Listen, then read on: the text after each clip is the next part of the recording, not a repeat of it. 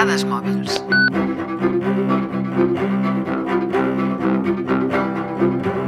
Avui, avui és una escena que hauràs viscut i els oients hauran viscut centenars de vegades.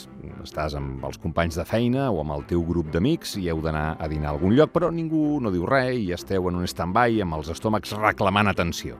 Això segur que ha passat moltes vegades. Hi ha una solució per desencallar la situació.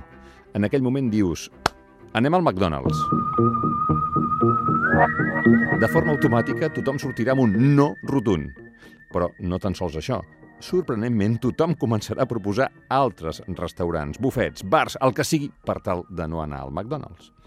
Eh, has fet que el grup avanci a partir d'una idea que els provoca mm, disgust. S'anomena teoria del McDonald's i el seu autor és el bloguer nord-americà John Bell. És una tècnica molt emprada, tot i que no sempre s'ha conegut amb aquest nom. Per exemple, la novel·lista nord-americana Anne Lamott és partidària de, literalment, i en perdó de l'expressió, esborranys de merda, i està convençuda que el perfeccionisme mata la creativitat. Es tracta de tirar endavant, de donar el primer pas, eh, que de fet normalment sempre és el que més por ens fa. Llavors, apliquem la teoria del McDonald's a una reunió de la feina, per exemple. Les reunions sobre nous projectes o de pluja d'idees solen eh, experimentar estancament en certs moments, igual que passa quan s'ha de decidir on anar a dinar.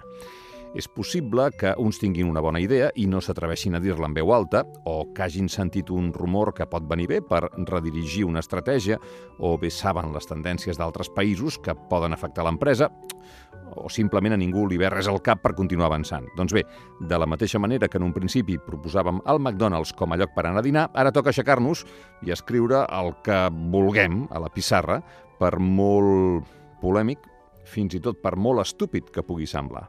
Si agrada, eh, sorgiran més idees al seu voltant. Si no agrada, serà eh, la manera que surtin noves idees que potser tenien tots i totes el seu subconscient, o que veient que tu t'has atrevit a proposar allò, pensen que la seva idea ja no és tan, tan esbojarrada.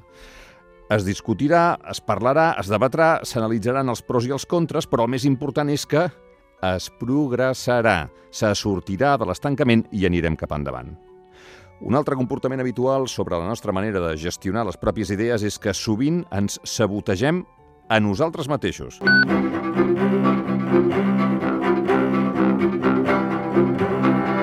Avui començaré amb un altre famós de la publicitat, eh, un dels lemes més famosos, és Just Do It, que en la nostra llengua es traduiria com simplement fes-ho.